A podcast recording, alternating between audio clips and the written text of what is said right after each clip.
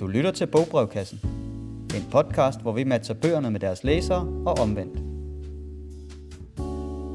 Hej og rigtig hjertelig velkommen til Bogbrevkassen. Mit navn er Patrick Søgaard. Jeg er litteraturformidler på Lyngby Bibliotek, og jeg sidder på Lyngby Bibliotek på en sjappet efterårsdag sammen med min kollega Lea Flø. Hej Lea. Hej Patrick. Det er så forskellen på os. Jeg vil kalde det en smuk, smuk efterårsdag med farverne, der bare aldrig bliver bedre end lige nu. Det er jo også en smuk dag, men, men ja. Den er men, også sharp. Den er også sharp. Ja. Øh, I dag der har vi en øh, LGBTQ plus special, for vi har fået et læserbrev, som jeg godt kunne tænke mig at læse op til at starte med her. Det gør det, det på ingen måde til en special. Det gør det netop ikke til en special. Nej, det er jo faktisk ikke en special. Men det, er jo, øh, det, det kommer vi jo ind på lige om et øjeblik, fordi vi har gjort os mange overvejelser om netop det her læserbrev. Men det kan vi jo snakke om, når jeg lige har læst det op en gang. Øh, det lyder sådan her. Kære bogbrevkassen, jeg er en ung kvinde, som udover at være en ivrig læser, også identificerer mig som biseksuel. Da der i øjeblikket fejres Pride her i København, håber jeg, at I kan anbefale nogle bøger, hvor I en eller flere af hovedpersonerne eller bipersonerne også er en del af LGBTQ miljøet. Det er altid rart at føle sig set i de bøger, man læser. Jeg har for nylig læst en nyt bogen This is how you lose the time war af Amal El Mortar og Max Gladstone, hvis hovedpersoner er queer, men jeg har en meget bred smag og vil tage imod alle anbefalinger med kysshånd. De største hilsner, Sara. Og grunden til, tror jeg, at jeg tænker på det her som en special, hvilket det jo så ikke er, det er jo, at vi har snakket meget om, hvor svært det faktisk var for os at svare på det her spørgsmål. Altså, vi har researchet vildt meget på det her, ikke? Fordi Jo. at øh, vi er jo begge to, hvad man nok på en eller anden måde kan kalde pinligt heteroseksuelle, ret øh, normative mennesker, og så gik det ligesom op for os, at det ikke rigtig noget, vi læser efter, det der med repræsentation af andre identifik- identiteter og seksualiteter. Nej, på den ene side følte jeg mig lidt gammeldags, fordi jeg tænkte sådan, nå, har jeg slet ikke læst nogen bøger med det, men så gik det faktisk op for mig, når jeg så øh, huskede efter og bladrede efter, at det mere var det andet. Det var tit, jeg ikke havde lagt mærke. Altså, ja, der var øh, biseksuelle eller homoseksuelle karakterer, men det, det var ikke det, jeg havde læst den for, så det havde jeg måske glemt vedkommende var. Ja, og det, det er jo også noget af det, vi har fundet ud af, at vi faktisk jo havde læst ret mange bøger om det. Mm. Det var bare ikke ligesom til stede Nej. for os som LGTBQ+. Men man kan sige på en måde, det er jo et meget klassisk spørgsmål, det der, eller et dejligt læserbrev med det der med at gerne ville identificere sig, altså at se bogen som et spejl på en eller anden måde. Ikke? Altså det der er mange, der læser efter, det der med, skal bogen være et spejl for sit eget liv, eller skal det være et vindue mod verden? Ja, Øhm, og der, og der, tr- der tror jeg, at jeg synes, at vi har fundet mange gode øh, bud. Det håber jeg også. Nu, nu må vi jo se, Sara, om du er enig med os. Men vi, vi, måske, vi skal måske også, altså der er jo, det er jo også, et, det er jo meget bredt, LGTB+.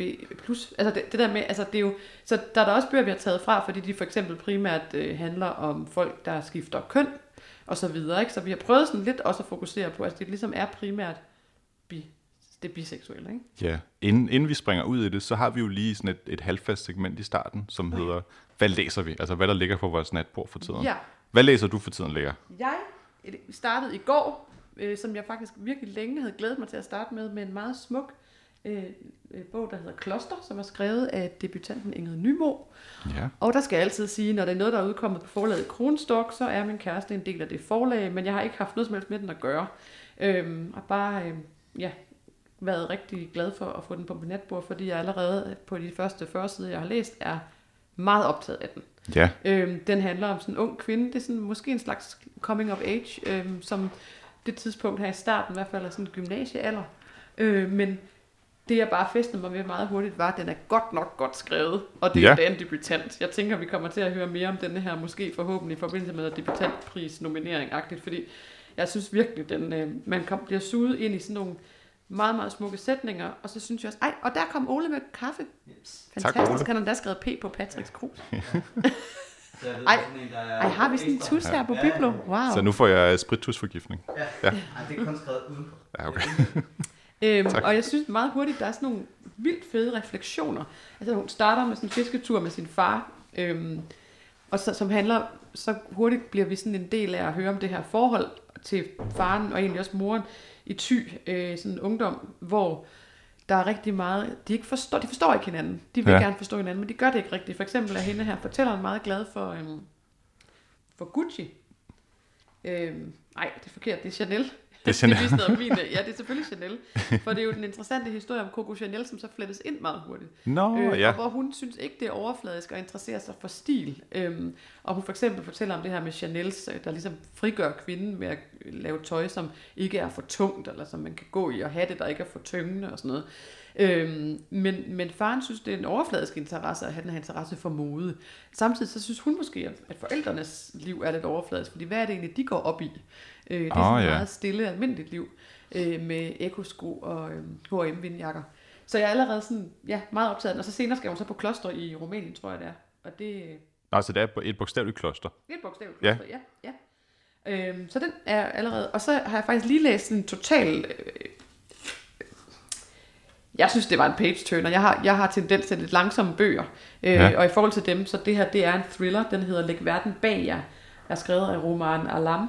Øhm, og jeg læste, jeg, blev faktisk fanget af sådan nogle blurbs, hvor der stod, øh, altså The Guardian elskede den, så tænkte jeg, så gør jeg det også. Ja. Men, men det er sådan en meget, meget øhm, diskret øh, verdensundergangsfortælling fra et meget, meget nutidigt Amerika, øh, hvor en familie fra New York øh, snopper lidt op af, hun er lige blevet opgraderet øh, moren i familien, så de skal på sådan en ferie i sådan et vildt lækkert sommerhus med swimmingpool, sådan en smuk forside med den her natlige swimmingpool, som har en stor rolle i Rumænien. Ah, ja. Og så kommer de derop, og så går nettet ned, og så begynder tingene bare sådan at blive mærkelige. Så pludselig tropper det par, der ejer huset op, som er et ældre sort øh, par. Og, øhm, og så følger man bare, og de flytter så ind, fordi strømmen er også gået i New York. Det ligger sådan lidt uden for New York. Og den er, den er helt, øh, jeg var, der, der er nogle enormt mange re, interessante refleksioner og samtaler om, hvad der, for det første, hvor afhængige vi er af alt det moderne i verdens telefoner, hvad gør vi, når de, og de bliver sådan helt ved med at hæfte sig ved, at om strømmen er ikke gået, så verden er ikke helt at lave. Men samtidig er der nogle indikationer på, at verden faktisk er at lave, og der er sådan nogle meget subtile indikationer, Ja. som jeg ikke vil røbe faktisk, men som, hvor man heller ikke som læser kan finde ud af, om det er naturen, der er ved at gå under. Altså om det er natur, naturens skyld, Ja. eller om det er menneskets skyld. Ja, Fordi og der så- er ligesom indikationer på begge dele. Det er noget med, at der er et, øh, et voldsomt twist til sidst. Kan det passe? Eller der er ligesom en eller anden øh, ting. Jeg synes egentlig ikke, sådan, der er sådan til sidst ting. Altså, der var bare noget med, hvor jeg var sådan, når er det sådan at læse en thriller? Og det tror jeg egentlig ikke, det er. Jeg tror ikke, det er en typisk thriller. Det sker der for lidt i. Ja, Og okay. man får også for lidt at vide om, hvad der foregår. Ja, okay. Altså, det er hele tiden denne her, mærke de her virkelig øh, helt almindelige og intelligente menneskers refleksion over, hvad, hvad foregår der, når man ikke kan opsøge viden? Altså, de, de, de prøver hele tiden at, at uploade altså på deres telefoner. Sådan, der må være nogle nyheder, men der er jo ikke nogen nyheder, Ja. når alt er gået ned. Der bliver ikke engang produceret nogen nyheder, sandsynligvis. De, kan i hvert fald, de er i hvert fald ikke tilgængelige. Og det er bare ret øh, klamt. Ja. Men den var egentlig... Man skal have nogle nyheder. Jo, jeg synes, det var meget... Det var en øh, ubehagelig page turner. Ja. Ja, altså øh, lige for tiden, der læser jeg i øh, den svenske debutant Lydia Sandgrens bog Samlede Værker. Det er jo sådan en bog, som... Øh, da jeg så den, så tænker jeg, okay, nu skal det være, øh, det skal være litterært, og det skal være sådan lidt arrogant, og det skal være lidt præsentøs, fordi du er debutant, og så har du skrevet en bog, der hedder Samlede Værker, og den er helt vildt Og lang, roman. og du står og øh, ser super tjekket ud på dine pressefotos, og, men det er bare en virkelig, virkelig, virkelig øh, fangende bog, synes jeg virkelig. Det handler om øh, sådan en rigtig forlagsskiderik, som øh, er blevet vildt succesfuld, sammen med sin ven, som er en endnu mere succesfuld kunstner, og så øh, forlagsmandens kone, som ligesom er sådan en del af sådan en central trækløver. Det er ligesom de tre mennesker, man følger igennem hele bogen. Øh, og det springer fra, at han er sådan 50 og falderet og ved ikke, hvad han vil med sit liv tilbage til deres barndom, og hvordan de mødte hinanden i skolen og alt sådan noget. Og den er, synes jeg, er slet ikke skrevet på sådan en avanceret eller øh, præsentiøs eller eksperimenterende måde. Den er bare virkelig, virkelig medrivende skrevet, og det er super overbevisende mennesker, og det er vildt interessant at læse om de her menneskers liv. Og så er der selvfølgelig også øh, et krødder af, at der er rigtig meget reference til kulturverdenen, øh, fordi det ligesom er den her forlæsverden. Der er for eksempel øh, på et tidspunkt et af kapitlerne, starter med, at en af personerne står og citat kigger på en bog af en østriger, der beskriver det gamle vin for 100 år siden, hvor man, hvis man ved noget om øh, sådan kanoniseret litteratur, godt kan se, om det er en henvisning til Stefan Zweig's Verden af i går, og så synes man, haha, det er lidt sjovt. Men alle de der henvisninger s- står ikke i vejen for, at det er sådan en rigtig menneskelig historie. Og øh, med far for at underkende hele mit fag, så plejer jeg at sige til folk, at det er ligesom at se en tv-serie og læse den bog. Fordi det, bare sådan, det går bare sådan slag i slag. Og ja. det, Nå, der, det, vil jeg, det, Ja, ja, ja, det vil jeg give dig ret i. Ja, Øh, så den læser jeg lige nu. Den er jeg rigtig, rigtig glad for. Den mindede mig lidt om Knavsgaards øh, nyeste, næst nyeste er det vist allerede. Øh, Ja. Fordi at, øh, den har jeg lige glemt, hvad hedder. Morgenstjernen. Morgenstjernen, ja. Øh, fordi den også, jeg havde også troet, at den ville være super intellektuel, og så var der også bare sådan virkelig almen gyldige og vildt mange forskellige slags mennesker. Og, og altså sådan, jeg, det, var også, det, det var nemlig også den der tv-seriefølelse, jeg fik med den. Ja. Og det havde jeg slet ikke regnet med. Jeg troede, det ville være meget mere sådan prætentiøst. Og der er sproget også ret let tilgængeligt, faktisk, ligesom Ja. hos Sandgren. Ja. Det er måske bare et udtryk for, at det faktisk er rigtig nemt at, at, at følge og at læse, og at man bare sådan bliver slugt fra side til side Jo, og så er der også, Ja. og, og grund, det der med, hvad, det er rigtig svært at skrive, så man ikke lægger mærke til det, ikke? Altså, fordi så skal ja. sproget faktisk være enormt godt, for at det bare føles som om, det flyder, ikke? Det er en rigtig god pointe. Ja, det, det, med, er ret vildt en debutant også, ikke? det føles bare som om, at det er sådan, verden er, når man læser det der. Ikke? Og det, øh, det er super fedt. Så det er det, vi læser for tiden, og det, der ligger på vores natbord. Men øh, nu skal vi jo også komme til sagen, alle de her bøger, vi har researchet. Øh, jeg tror, at jeg vil øh, starte ud med en young adult roman, der hedder De dør begge til sidst. Den er skrevet af Adam Silvera. Øhm, og Munter det, titel. Hvad siger du? Munter titel, der. Ja, og øh, altså, det handler jo om øh, to øh, unge drenge, som dør til sidst. Det står jo direkte i titlen, ikke? Øhm, så der er ikke nogen overraskelser der. Nej, det er en young adult roman, øhm, som har sådan lidt et sci-fi-agtigt koncept med, at det eksisterer i sådan en New York-verden, hvor der findes noget, der hedder dødsrådet, som ringer op til folk 24 timer, før de skal dø. Ikke præcis 24 timer, men når man får opringning fra dem, så ved man bare, at nu går der maks 24 timer, så dør du. Og så følger man, følger man ligesom to mennesker, der har fået den her opringning. Øh, det er to 17-årige, som jeg husker det. Den ene hedder Matteo, han er sådan lidt indadvendt og har aldrig rigtig sådan kommet i gang med sit liv. Den anden han hedder Rufus, og han er meget øh, udadfarende og øh, sådan impulsiv, og han får opringning i det, han er i gang med at, at tæve øh, en, øh, hans ekskærestes nye kæreste. Han ligger ligesom på knæ hen over ham og banker løs på ham og får så den her opringning. Men nu bliver jeg lidt stresset. Har de så ikke mødt hinanden før? Skal De har ikke nødt hinanden før, og fordi de møder hinanden på sådan en app, fordi der er jo, der er jo selvfølgelig i den her er verden blevet selvfølgelig- udviklet sådan en app til, til folk, der, øh, Der skal hvor de sådan først møder alle mulige, der vil have sex, og folk, der er sådan ude på at øh, gøre det surt for dem og sådan noget. Men så møder de så ligesom hinanden, og så kommer de sådan nærmere på hinanden, og så følger man ligesom, hvordan de bruger den sidste dag i deres liv. Ikke? Øhm, og den er skrevet fra øh, skiftevis øh, jeg fortæller, hvor så er det Matteo, og så er det Rufus, og så er det nogle andre mennesker, som ikke skal dø, og sådan noget der. Øhm, så det er sådan en masse avancerede koncepter, der ligesom er på spil. Men det, der er vigtigt at understrege med den her bog, det er, at den er, fordi tror jeg, dels at det er en young adult roman, så er den skrevet meget let tilgængeligt. Der er ikke noget kompliceret sprog, og der er ikke særlig meget, hvad skal man sige, tvetydighed i, hvor historien er. Så det, der er fokus på, det er karaktererne, og det er handlingen. Så man kommer helt tæt på de her to unge drenge, øhm, som ligesom, som jeg nævnte ham Matteo der, han har levet sådan lidt indadvendt liv, og så handler det meget om, jeg oplever, at Matteo han er hovedpersonen, det kan være, der er andre, der er uenige i det, handler meget om, hvordan han ligesom omfavner livet på sin sidste dag, og begynder at gå op i sådan de små ting, du ved, sådan, så står der en statue i en park, som han ikke har set før, og det er vildt fascinerende. Og så begynder han at tænke på sin afdøde far, hvordan han altid lavede lister, og hvor glad han egentlig var for, at de der lister blev lavet og sådan noget. Og så undervejs i det her, så kommer Matteo ligesom i kontakt med sin egen biseksualitet. Og det gør han sammen med Rufus, som ligesom er biseksuel. Og det, der er så super fedt ved, hvordan det er gjort i den her bog, det er, at det er ligesom nærmest sådan en sidebemærkning. Der, hvor de møder hinanden på appen, der laver man sådan en kort beskrivelse af sig selv. Og der står bare sådan noget med, kan lide, kan ikke lide, har det dybeste minde, hvad kan du huske fra din barndom? Så i beskrivelsen af Rufus, så står der bare biseksuel. Og så bliver der slet ikke overhovedet gjort noget ud af det. Og før man ankommer til, at Matthæus ligesom kommer i kontakt med sine egne følelser omkring det her, der er der heller ikke blevet gjort et stort nummer ud af det. Det er ikke en bog, der handler om at være biseksuel. Det handler om mennesker, der bare tilfældigvis er Og biseksuelle. det er helt, nu er jeg jo sådan notorisk dødsangst. Altså det er Ja. heller ikke, altså stemningsmæssigt, altså er det så en meget dyster bog, fordi de skal dø lige om lidt, de her unge mennesker? Jeg synes, det er en meget, øh, hvad man nok med sådan et lidt universitetsagtigt udtryk vil kalde patosladet ud, øh, bog. Altså det handler meget om de oprigtige følelser. Det handler meget om gribe dagen Ja. og uretfærdighed og alt sådan noget. Og så er der selvfølgelig den her sådan tiggende bombe af, man ved, vi kommer tættere og tættere på, at de her to Så unge hele drenge. bogen foregår over et Det foregår døgn. over et døgn. Ja. Ja. ja. Øhm, og jeg synes bare, at det var en rigtig god læseoplevelse. Og den egner sig rigtig god som, øh, som lydbog, netop fordi at sproget er så lige til, at du ligesom du skal bare ligesom have en fornemmelse for, hvad der sker med karaktererne, mm. og hvordan de interagerer. Du behøver ikke at være sådan helt ned på sætningsniveau og forstå sådan, Nå, så var lige det ord, hvad betyder det og sådan noget. Altså, så det er min første anbefaling. Det er De dør begge til sidst af Adam Silvera. Wow. Altså i forhold til det, at, øh, at det foregår over døgn, kom jeg til at tænke på, jeg har nemlig som sædvanligt lavet, sådan en, lavet en lære, så jeg har utrolig mange bøger med. Jeg Ja. er ikke begrænsningsmester. Jeg elsker minimalisme, men jeg kan det ikke selv. Øhm, men Miss Dalloway har jeg med med Virginia Woolf, som jeg egentlig som på ingen, som jeg på ingen måde har med, kan man sige. Fordi det er jo ikke en, det er en, det er en vidunderlig øh, klassiker, synes jeg, hvis man er til stærkt sprog og til indre refleksioner over, øhm, over livet især. Ja. Ja. Men, men jeg, jeg kom bare i tanke om den, og, det, og jeg spurgte faktisk flere kollegaer, som ikke kunne huske den del, men jeg husker. Miss Dalloway, hun er jo sådan en, en øh, kvinde, som skal have et aftenselskab.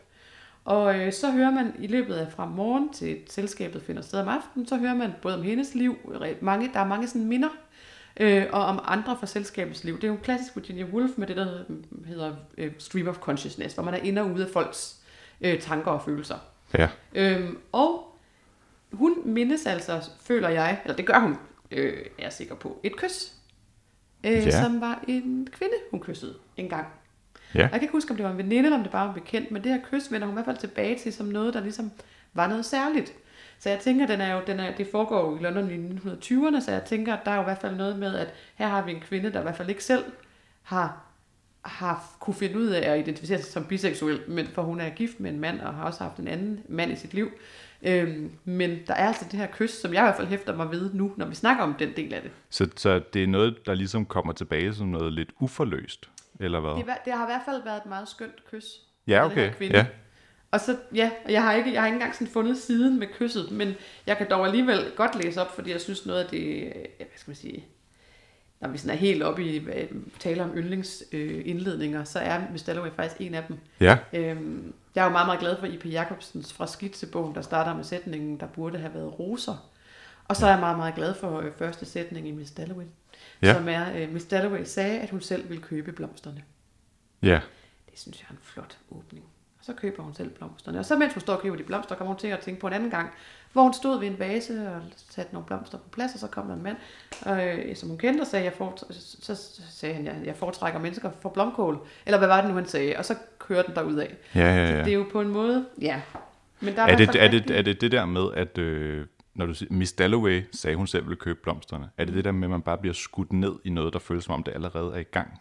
At man bare, fantasien bare går amok på? Jamen både det, og Ja. så synes jeg også, det er enormt smukt, og hun er jo hun, altså et meget privilegeret liv. Den er jo blandt, hun er jo delvis filmatiseret i The, og, og skrevet videre på i The Hours af Michael Cunningham, som egentlig også blev en rigtig god både bog og film, synes jeg. Men jeg synes også det der med, at vi er i London, vi er i 20'erne, vi er privilegeret menneske, der, der skal have et middagsselskab, og hun har ligesom hendes, sin husbestyrer ind til at lave det meste, men hun går lige selv ned på det der lækre blomstermarked og køber dem. Man gider også godt være, jeg gider i hvert fald godt være der Ja, med hende. ja, ja, ja. Ja, også, det er sådan noget, faktisk. Ja. Øhm, og så kommer bare lidt tanker om, at det skal vi ikke snakke om. Ej, nu lavede jeg det der med at vende hovedet, mens jeg hentede Ja, bogen. og nu, nu stopper optagelsen fuldstændig, fordi nu vendte du hovedet væk fra mikrofonen. Ja, Det går ikke. nej. Nej. Ja, vi siger. Okay, og ja. en anden Virginia Woolf. Første advarsel. Ja, ja. ja, okay. Men det er jo et, ja, altså, det, vi bliver fri for mig, for det er min sidste bogbrevkassen. Ja. 10, jeg stopper på Lyngby Bibliotek, så jeg skal nok gøre det rigtig dårligt, så jeg ikke vil blive savnet. Øh, men i hvert fald, så... Øhm, Virginia Woolf har jo også altså, skrevet mange bøger, der er jo også mange, og Virginia Woolf var jo også selv øh, biseksuel og så videre. Øh, men Orlando synes jeg alligevel lige skal nævnes, fordi den er helt vild, hvad angår LGTB+, fordi den har så mange facetter. Der er jo blandt andet en, altså, en transkønnet, der ikke selv vælger det, men vågner op om morgenen som det nye køn og så videre, og så tilbage igen til det gamle køn på et tidspunkt. Så der sker sådan nogle super sære twists, øh, og den er la- også skrevet på hendes egen kærlighedshistorie med øh, affære med en kvinde og så videre. Ja. Men den snakker mig og Marie, vores kollega, meget mere om i afsnit 15, Tøjets fortællinger.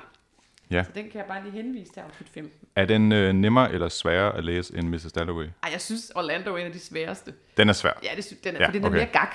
Men, men, og jeg synes også, Miss Dalloway er mest wolf, ikke? Altså, der, er- der, der er vi meget inde, altså ligesom i til fyret i det der stream of consciousness hos, hos de forskellige mennesker.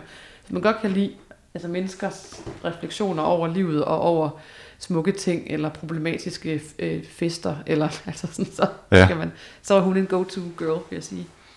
Ja, så, så vil jeg gå videre til min øh, næste bog. Og nu kommer vi på øh, fransk glatis. Fordi jeg tror, sidste gang jeg snakkede om den her bog, der sagde jeg færdig med Eddie Belgel. Ja. Nu forsøger jeg mig med færdig med Eddie Belgøjl. fordi der står UEU. Og jeg har ikke været på Google Translate og tjekket det, men nu prøver vi med færdig med Eddie Belgoyle. Øhm, jeg anbefaler færdig med Eddie Belgoyle. Og det gør jeg, fordi at øh, det er en af de bøger, der er sådan, øh, uanset det, det, sådan, øh, hvad det handler om, en af mine favoritbøger overhovedet, som bare står strålende klart for mig. Øh, det er en øh, autobiografisk fortælling fra forfatteren Edouard Louis, som han skrev som meget, meget ung. Øh, og det skrev han i en tid, hvor der faktisk var sådan en lille minibølge af sådan unge øh, homoseksuelle mænd, der skrev om deres opvækst. Vi havde øh, Thomas Korsgaard i Danmark, de havde øh, J.D. Vance i Amerika, som skrev Hillbilly Elegy, øh, og så havde vi Edouard Louis, som skrev øh, Færdig med Eddie Belgoyle. Øh, og den handler om hans opvækst i en lille fransk landsby, hvor der er en benhård arbejderklassekultur. Og hvad vil det så sige, der er en benhård arbejderklassekultur? Det vil sige, at alt, hvad der handler om svaghed og forfinelse og lærthed, det bliver fuldstændig nivelleret og ødelagt øh, hvad hedder det, øh, blandt mændene i det her lokalsamfund. Og det er rigtig svært for Edouard Louis, som er en meget forfinet eksistens. Altså han kan godt øh, lide de fag, de har i skolen, og han har interesse for kunst og kultur osv., og han trives overhovedet ikke i det her miljø. Og han trives heller ikke derhjemme, hvor hans far, som arbejder på fabrik, ligesom også sætter tonen med, at alt, hvad der handler om, at man ligesom udtrykker sig selv eller viser svaghed, det skal væk, fordi det er der slet ikke plads til i den her verden. Øhm, og det, som jeg kom til at tænke på i forbindelse med det her emne, vi har i dag, det er den centrale hændelse i bogen. En af de centrale hændelser, undskyld. Den centrale hændelse øh, i forhold til, at Edouard Louis han beskriver en række overgreb, som bliver udført af nogle ældre drenge, hvor de ligesom øh, overgriber ham seksuelt, og hvad skal man sige, gør ham til pigen i deres optik. Fordi der sker så det, at når resten af skolen ligesom finder ud af, at det her det er foregået, så går det ikke ud over de ældre drenge, der har begået overgrebet. Det går ud over Edouard Louis, fordi det var ham, der var pigen i situationen.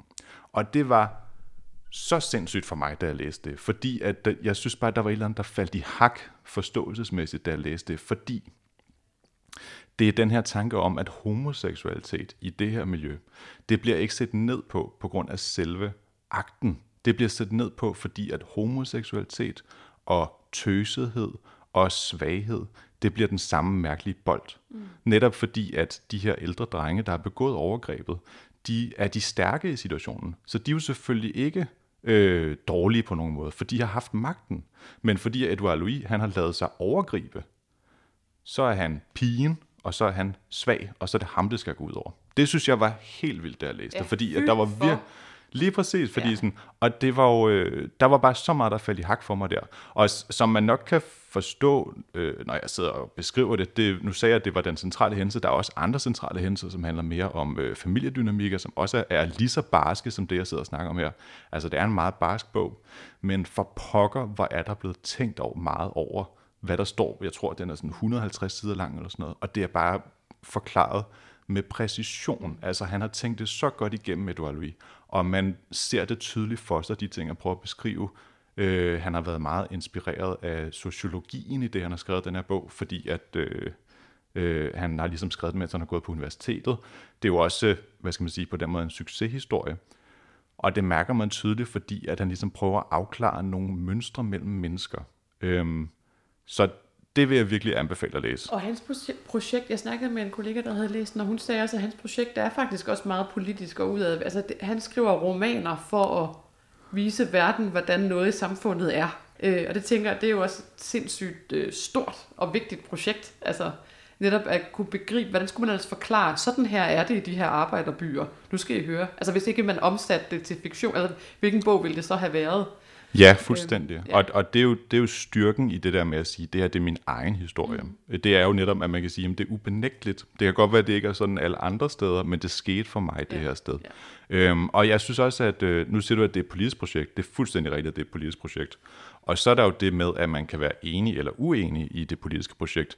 Men det jeg så vil sige til det, det er, at hvis man vil have indsigt i, hvem man er politisk uenig med, så er det her, man skal starte, fordi han forklarer det så præcist og så mm. tydeligt. Der, det er ikke mudret på nogen som helst måde. Man, man, man får ligesom, hvad han siger.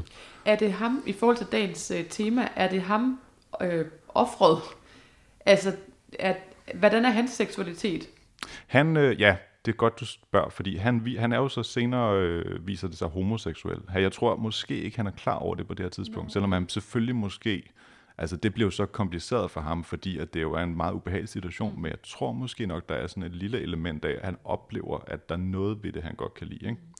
Det er godt, du spørger om det, fordi det er jo selvfølgelig vigtigt. Øhm, og, og han nævner det jo ikke for ligesom at, at lave den der gamle traver med, at øh, så skal homoseksualitet ligesom kædes sammen med et eller andet, der er gået galt eller sådan noget. Han nævner det jo for ligesom at sige det her med, mm også som Thomas Korsgaard gør meget i sine bøger, at prøve at nærme sig de mennesker, der virkelig ikke kan lide ham. Han prøver at ligesom illustrere, jamen hvorfor er det de her mennesker, de ikke kan lide mig, på grund af den jeg er, og de mennesker, jeg godt kan lide. Det er fordi, at det er hele deres moralske system, det er hele deres verdensbillede, der hænger sammen med, at homoseksuelle, dem kan man ikke lide. Ja. Ja, Tungt og, tungt og vigtigt. det er tungt og Ja. vigtigt, og jeg ved du hvad, jeg vil ønske, at jeg lige havde lagt ud med at sige, at det vil blive sådan et lidt tungt emne, Det, det, her, fordi bogen ikke særlig øh, lang. den er overhovedet ikke lang, nej. Og altså, jeg, altså, som jeg siger, det er barsk læsning, så hvis man ikke øh, er i humør til det, så skal man ikke læse den, men jeg synes, man får utrolig meget ud af at læse den. Men til gengæld synes jeg, vi skal hoppe videre til sådan en hyggelæsning. Øh, jeg tror, Patrick, vi lavede jo i sommer sådan en stor øh, sommerferielæseguide, hvor vi havde den næste her på som Intellectual Beach Read, så vi Ja. husker noget, der er sjovt og let på en klog måde. Og nu har jeg jo været på fransk glatis. Kunne du ikke tænke dig at komme på irsk glatis og fortælle mig, hvad den forfatter der tænkt, hedder? Det er nemlig en bog, vi begge to skal tale om, og vi har begge to øh, læst den. Nå, øh, jeg går på Irs glatis. Det kan man let komme. Ja. Jeg læste engang en bog om sådan nogle begreber, der findes i Irland og ikke i andre lande. Og blandt andet så har de et ord for... Øhm, Nej, det, det var en sidehistorie. De har et ord, ord for utrolig mange ting, man ikke har ord for øh, på engelsk for eksempel. Så opfinder de bare meget lange, flotte irske ord for begreber, der ikke burde have et ord, eller hvad man skal sige. Ja. Det var ret fedt. Men hende her, synes jeg, hedder Naosi Dolan. Nausi Dolan. Ja, yeah. Naosi Dolan. Det kalder vi hende. Og hun er endnu en ung ir i, i kølvandet af Sally Rooney. Det går virkelig godt i Irland for tiden på den litterære front. Og den hedder Godt Selskab, og den har en, tre tandbørster på forsiden. To af dem står op i tandkruset, den sidste ligger nede. Og så har vi ligesom indkapslet emnet. Der er et menneske, der har øh, noget at gøre med to andre mennesker. På en intim måde. Ja. Det er vel en slags trekantdrama på en måde, men det er i så fald et meget udramatisk drama. Ja, altså jeg, jeg synes jo, at øh, det er ligesom sådan en... Øh, ja, øh, millennial jobbies, hvis man kan sige det på den måde. Totalt, det, ja. det handler om den her øh, irske øh, pige, der hedder Ava, som, øh, nu sagde jeg pige, hun er kvinde, øh, som øh, er taget til, øh, til Hongkong for at undervise elever der, som så møder den her meget øh, rige bankmand, der hedder Julian, og de indleder så et, øh, et, et forhold, og senere møder Ava øh, den øh, indfødte advokat øh, Edith, som hun så også indleder et forhold med. Og, og, og den centrale historie, det er så ligesom, hvad sker der så, når Julian han kommer tilbage fra den rejse, hvor det så har ligesom muliggjort sig, at Ava opbyggede et forhold med Edith. Øhm, Og Edith og Julian er kollegaer. Er det ikke sådan, de kender hinanden? Eller det er i Jo, hvert fald det- arbejde. Det er i hvert fald via ja, ham, hun lærer men det, det er jo det, der er så fedt med den bog, det er, at det hele er sovset ind i hinanden. Sådan, Alle kender Det er sådan hinanden, et og det, miljø i Hongkong. jo. ja, og det er skrækkelige mennesker. Altså, det er, det er kun skrækkelige mennesker i den her bog. på overflader og gode drinks. Fuldstændig, og hver eneste sætning er ironisk. Det er sådan noget med, at Ja, til de der sæt, man er til mange sådan cocktailparties, ikke? Ja, mange cocktailparties, og vi kan ikke rigtig lide noget som helst, Til og gengæld alt så sådan noget. hende her, øh, vores, vores hovedperson, hende Ja. ja. kan vi super godt lide. Hun er virkelig god, for eksempel til sprog. Hun underviser jo i engelsk. Og jeg synes også, at noget af det, jeg læste den for, fordi den er måske lidt mere hyggelig, end, end jeg sådan er vant til at læse bøger, der er. Eller sådan. Ja, Men noget af det, jeg læste den på, for det var hendes eget, altså der er enormt meget sproglige refleksioner. Altså refleksioner over sprog, fordi hun jo lærer nogen engelsk, fordi engelsk er fremtiden i Hongkong, ikke? Øhm, og jeg synes bare, der, at hun er virkelig sådan sprogligt skarp, og det er ret fedt. Og så synes jeg også, der er nogle helt vildt sjove og interessante refleksioner. Nu fortalte jeg om den der thriller tidligere med det der med, hvad sker der, når vi ikke kan gå på SoMe længere og sådan noget. Ja. Så her er den her dybe, de er jo unge, den her dybe afhængighed af sociale medier. Og blandt andet den her skønne, øhm, smukke, kvindelige advokat, hun elsker bare at uploade billeder af sin uh, chai latte. ja, Altså sådan, det er bare, altså hun synes bare, det er herrefedt. Og det er sådan, der er ikke noget sådan kritisk, altså hun er ikke kritisk over det, det er bare fedt. nej, overhovedet ikke. Øhm, ja. Har du et lækkert citat til os? Jeg har faktisk mange af de der Instagram-citater, skulle jeg sige, men vi kan få den her. Det er fordi, at nu er, øhm, nu er vores person, hun er blevet meget, Ava er blevet meget optaget af Edith, og sådan stalker hende på Instagram, og det er jo problematisk, for det kan man faktisk nogle gange se, hvem der ligesom stalker en. Så, så står der her. Jeg opdagede et trick ved at klikke på storyen ved siden af Edith, og så swipe halvvejs til højre, så jeg kunne se lidt af det, hun havde lagt op, uden at Instagram registrerede, at jeg havde set det. En enkelt gang kom jeg til at swipe hele vejen ved et uheld. Jeg havde nær tabt min telefon. Selve indholdet var ikke forskrækkelsen værd. Det var et billede af en chai-latte i Sheibang. Jeg tog et screenshot alligevel, for hvis Edith nu opdagede, at jeg stalkede hende, ville jeg have noget, jeg kunne gemme, gemme ud af det. Ja, Altså, det synes jeg, så er mange. Der er også et andet, altså, der, det, og det er sådan meget sådan, de køber de der chai så, så Edith, hun er også, også tit virkelig her. Jeg lagde et foto af Edith ud på Instagram, og da jeg så, at Julian havde set det, mærkede jeg et stik, som jeg først troede var skræk, men så indså var mere hen af ophidselse. Ingen af dem kendte alle mine hemmeligheder. Altså livet via Instagram nærmest, ikke? ja. Og der, der, der, der, der fornemmer man jo også det der med, at hun siger, et stik, som jeg først troede var skræk, men som jeg senere Ja. mærker er hen af ophidselse. Ja. Det er en meget reflekteret øh, hovedperson, hende Ja. ja. Ava her. Og på, det, på den front er den også meget Sally. Altså det er. Ja. virkelig, øh, det er mennesker, der reflekterer meget, øh, der er i de her bøger. Jeg Ja. synes også, det var sjovt det der med, altså, fordi hun er jo så bisex, hun falder jo både for en kvinde og en mand, men det, det interessante er måske, altså det, det er ligesom bare fordi, det der, altså hvad skal man sige, det er hun sådan meget okay med. Der er ikke nogen problemer i det, at den ene er en kvinde, og den anden er en mand. Nej, det bliver overhovedet ikke nævnt Nej, eller og det jeg bare er tematiseret. meget rart og moderne, og sådan, at vi nået dertil også. Ikke? Altså selvfølgelig kan man være biseksuel, og det er helt normalt. Og, sådan, og så jeg tænker i forhold til det der med vores øh, læserbrev med noget, man bare kan identificere sig med, hvor det ikke nødvendigvis skal være en dyster historie, men det er bare sådan, livet er, når man er biseksuel. Ja, fuldstændig. Men der er også nogle sjove, altså jeg, jeg har sådan en lille citat mere her. Der er hun igen, der er hun på, øhm, på date med Edith. Vi købte trendy kaffedrikke i Chauvang og lå, mens vi drak dem. Min var trakhul med cashewmælk, og hendes var skrigende lyserød dragefrugt. Jeg overvejede at spørge, om det betød, at jeg var manden, men besluttede mig for, at ironisk heteronormativitet stadig var heteronormativ, og at det desuden var for tidligt at komme med den joke. Så det er jo ikke fordi, der er, altså, der er jo refleksioner over det, det er bare altid sådan, det, det er relativt uproblematisk. Ja, det er sådan en lille sidebemærkning. Ja, ja, og, øh, man, jeg, jeg, håber også, man kan fornemme på det, du læser op der, hvor sjov den bog faktisk er. Det er altså, det er en virkelig, ja. virkelig sjov bog. Og noget, da jeg sad og researchede på, fordi nu har du hapset min sidste bog, så nu skal du bare snakke for nu af. Øhm, Nej, undskyld. Du noget af meget. det, øh, da jeg researchede på den, det var øh, på Goodreads, og der så jeg, at der var rigtig mange, der var meget øh, skuffede og sure på den her bog. Og det, det synes jeg var værd at nævne, fordi at det for mig virkede som om, det var et interessant øh, spørgsmål om, hvordan man læser bøger, det ligesom bragt på banen. Fordi folk var rigtig sure over, hvor dårlige mennesker hovedpersonerne er.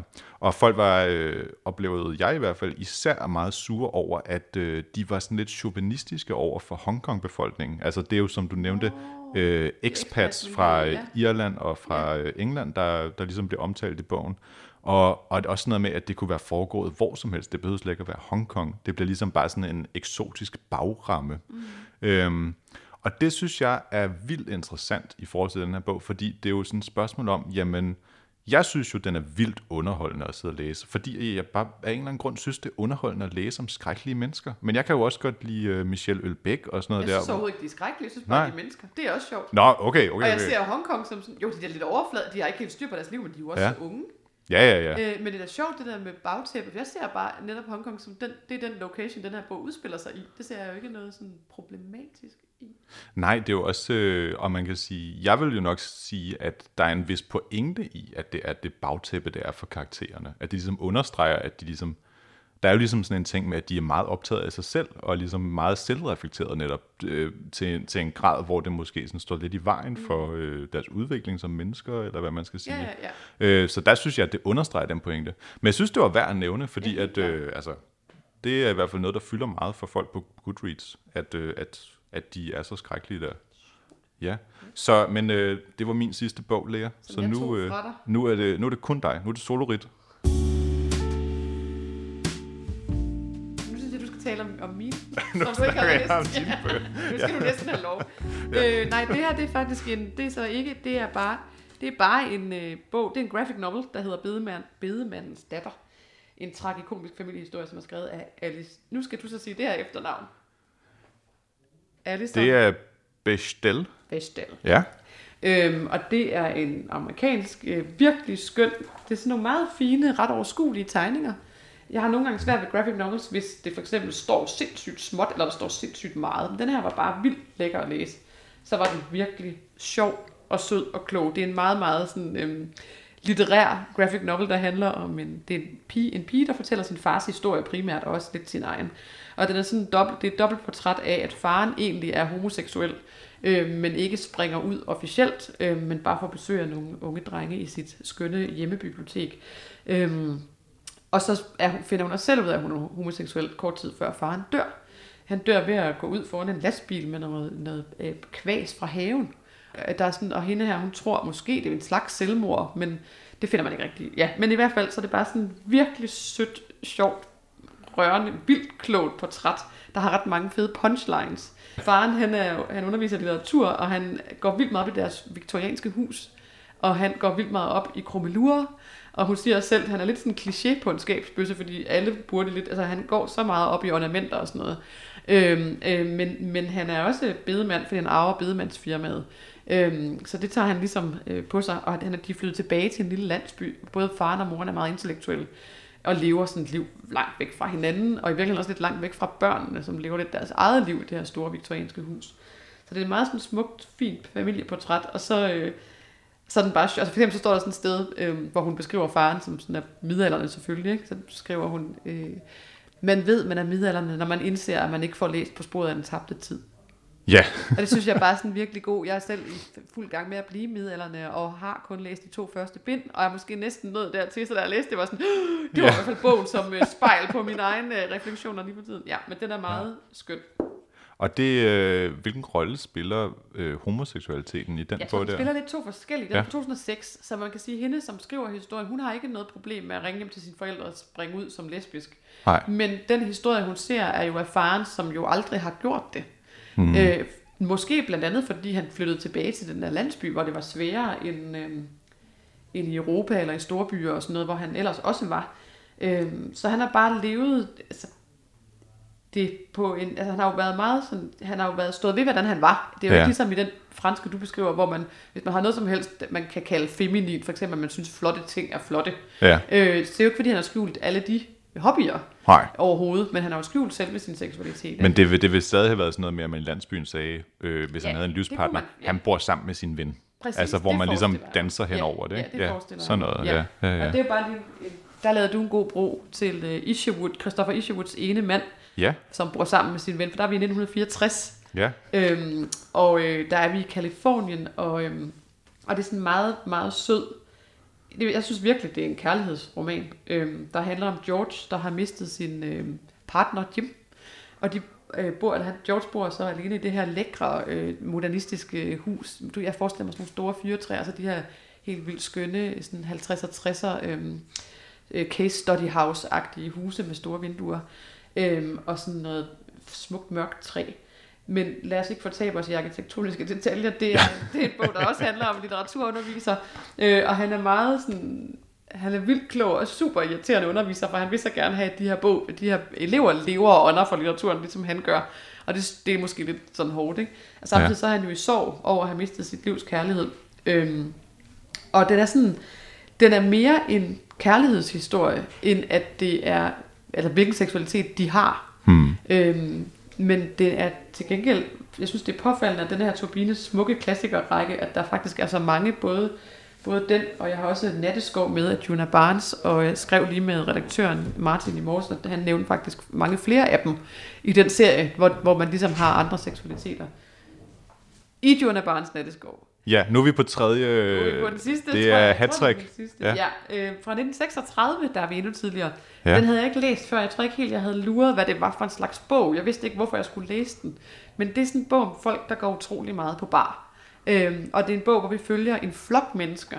Øhm, og den har været sådan svær, åbenbart også litteraturhistorisk, at rubricere, fordi man følger ligesom så mange, og netop som man tror, man har lært, lært den ene at kende, så defilerer den ligesom videre til et andet land eller på en anden bar. Og så er vi pludselig nogle andre, vi skal dybt ned i deres. Men her er rigtig meget, øh, der er rigtig meget kærlighed mellem kvinder. Øh, der er en kvinde, der, der øh, forlader sin mand og barn, fordi at hun ligesom vil noget andet med livet, og forelsker sig i en anden kvinde, og den anden kvinde forelsker sig i en tredje kvinde, og, og den anden kvinde sætter sig hos øh, lægen, øh, eller doktoren, som, øh, og fortæller ham, og hvordan får jeg hende nu tilbage, og sådan, og, og doktoren, han klæder sig også ud som kvinde. Ja. Øh, han har sådan lidt drag-tendenser, og, og vil egentlig hellere, som han skriver et sted, sådan, øh, han ville meget hellere bare skrælle kartofler til sin mand, øh, Ja. end at være en, en mandlig læge. Så der er vildt meget seksualitet på spil i den her bog, øh, både inden for, ja, øh, inden for alle mulige øh, udgaver af det. Og så er den bare en vild bog. Altså den er sindssygt smuk, sindssygt sær. Man skal sådan, det er ikke sådan min godnatlæsning. Det synes jeg, Nej. er for svært til faktisk. Også fordi der er mange mennesker med. De har mange følelser, de har mange øh, øh, kriser, de har mange intriger. Ja. Men når det så er sagt, så... Altså, jeg tror, jeg skulle lige forstå... Jeg læste øhm, T.S. Eliot. Altså, jeg skulle lige forstå, hvad den var, den skulle minde om. Og den minder mig blandt andet meget om øh, Wolf og Gertrude Stein, som jeg også er meget glad for. Ja. Gertrude Stein levede jo helt i åbent i et lesbisk forhold, øh, meget før mange andre gjorde det. Øh, så jeg synes, den har, og den er, den er i sådan nogle store byer, Paris og Berlin og sådan noget, så jeg synes, den har, den er vild og vild, og der er bare plads til, at folk er alle mulige slags mennesker. Jeg får indtryk af, når du fortæller om den, at, øh, at det ligesom er fra en tid, hvor det at være homoseksuel eller biseksuel øh, var forbundet med ligesom at være avantgarde eller at være grænsesøgende. Ja, Ja, helt sikkert. Og der er rigtig meget, sådan, det, det tænkte jeg også på, sådan, da jeg læste den, den, den er sådan enormt dekadent. Ja, Altså det er ligesom om, den bare er en fjerbord, den her bog. ja, Øh, og du har ret i det med det avantgarde. Det er også ligesom Gertrude Stein og Alice B. Toklas salonger der i Paris. Altså det, det er sådan... Ja, det er bare... Øhm, det er vildt svært at være, fordi samfundet jo har en masse kritik imod det. Samtidig så, så er det ikke... Altså så er, der, så er der nogle miljøer, hvor det ligesom er sådan... Hvor der er plads til det. Øh, og det er typisk sådan nogle bohem avantgarde miljøer. Øhm, ja. og ikke dermed sagt, at det er uproblematisk, men det, jeg synes mest af alt, det er en meget livs... Øhm, sprudlende bog, faktisk. Mm. Og Ja. intens oplevelse, som jeg Meget øh, intens. forstår det. Ja, jeg, havde, jeg måtte i gang med den tre gange, fordi jeg lige sådan skulle, skulle forstå, hvad man lige... Den har også mange sådan detours. Hvor sådan, hvorfor skulle vi høre den her lille bitte historie om en eller anden, vi ikke skal høre mere om? Ja. Altså, det, den, den kan alt muligt, den her bog. Fedt. Det var trioen. Og altså, man kan jo finde alle de titler, vi har omtalt ja. i podcasten her inde på øh, hjemmesiden lyngbybib.dk. Der lægger vi det hele op under øh, øh, den her afsnit. Ja. Øh, ja, her til sidst, hvis vi har tid til det, ikke? nu kan det godt være, at det her bliver klippet ud. Ja, Ja, ja. Øhm, jeg får lyst til at spørge dig, om du nogensinde har læst litteratur, altså udsøgt bøger, for at se dig selv. Altså for at se dig selv repræsenteret. Fordi jeg tror egentlig, at det var noget, jeg gjorde, da jeg var, øh, da jeg ligesom var sådan, du ved, sådan en ung, bogagtig, nørdet dreng. Der kunne jeg godt faktisk lide at læse om sådan nogle kedelige, konservative, hvide mænd, der var super lærte, og altså sådan noget øh, James Joyce og Aldous Huxley og sådan noget. Dem, dem opsøgte jeg vildt meget, tror jeg, fordi jeg godt skulle, ligesom, kunne spejle mig selv i det, eller i hvert fald var med til sådan at danne min egen identitet i det.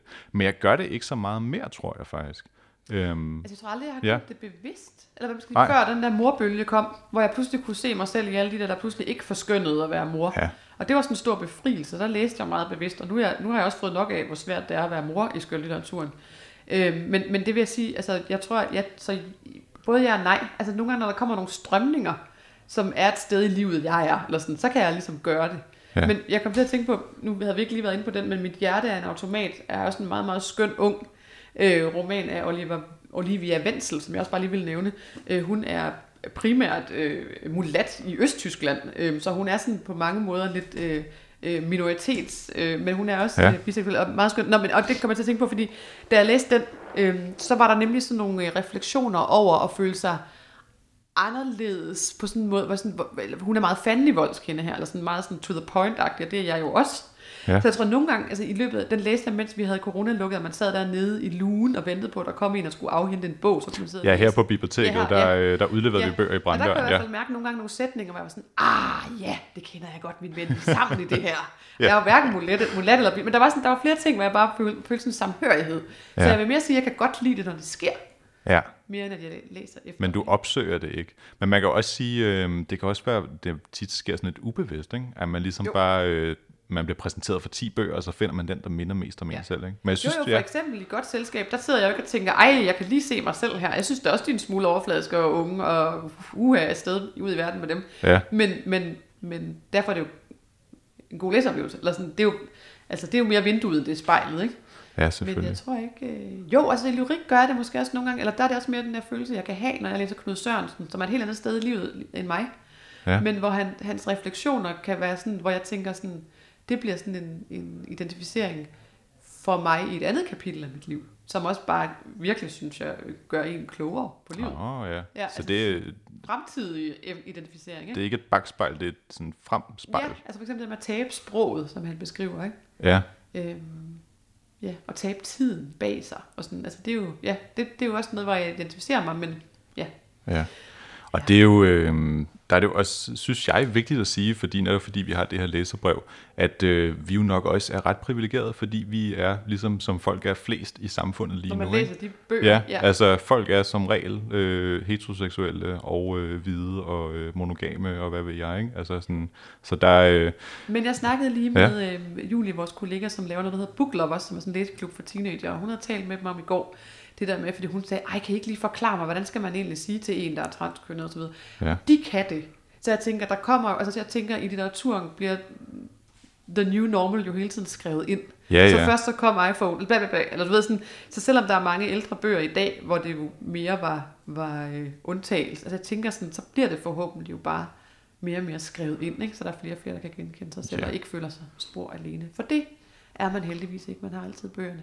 ja, og altså, vi var i hvert fald glade for at få det her læserbrev, fordi det var en god anledning til lige at blive lidt klogere, og også øh, blive lidt mere reflekteret over, hvorfor vi egentlig læser. Øhm, jeg tror, øh, altså, vi håber, Sara, at du har i hvert fald fået en bog, du kan bruge til noget. Øh, ellers så har vi i hvert fald forsøgt, og så kan det være, det inspirerer til noget andet. Og til jer andre, totalt øh, ikke har læst sådan nogle bøger her før, læs dem. Det er skide gode bøger, og man kan blive klogere på folk, der ja. Ja. er anderledes end en selv.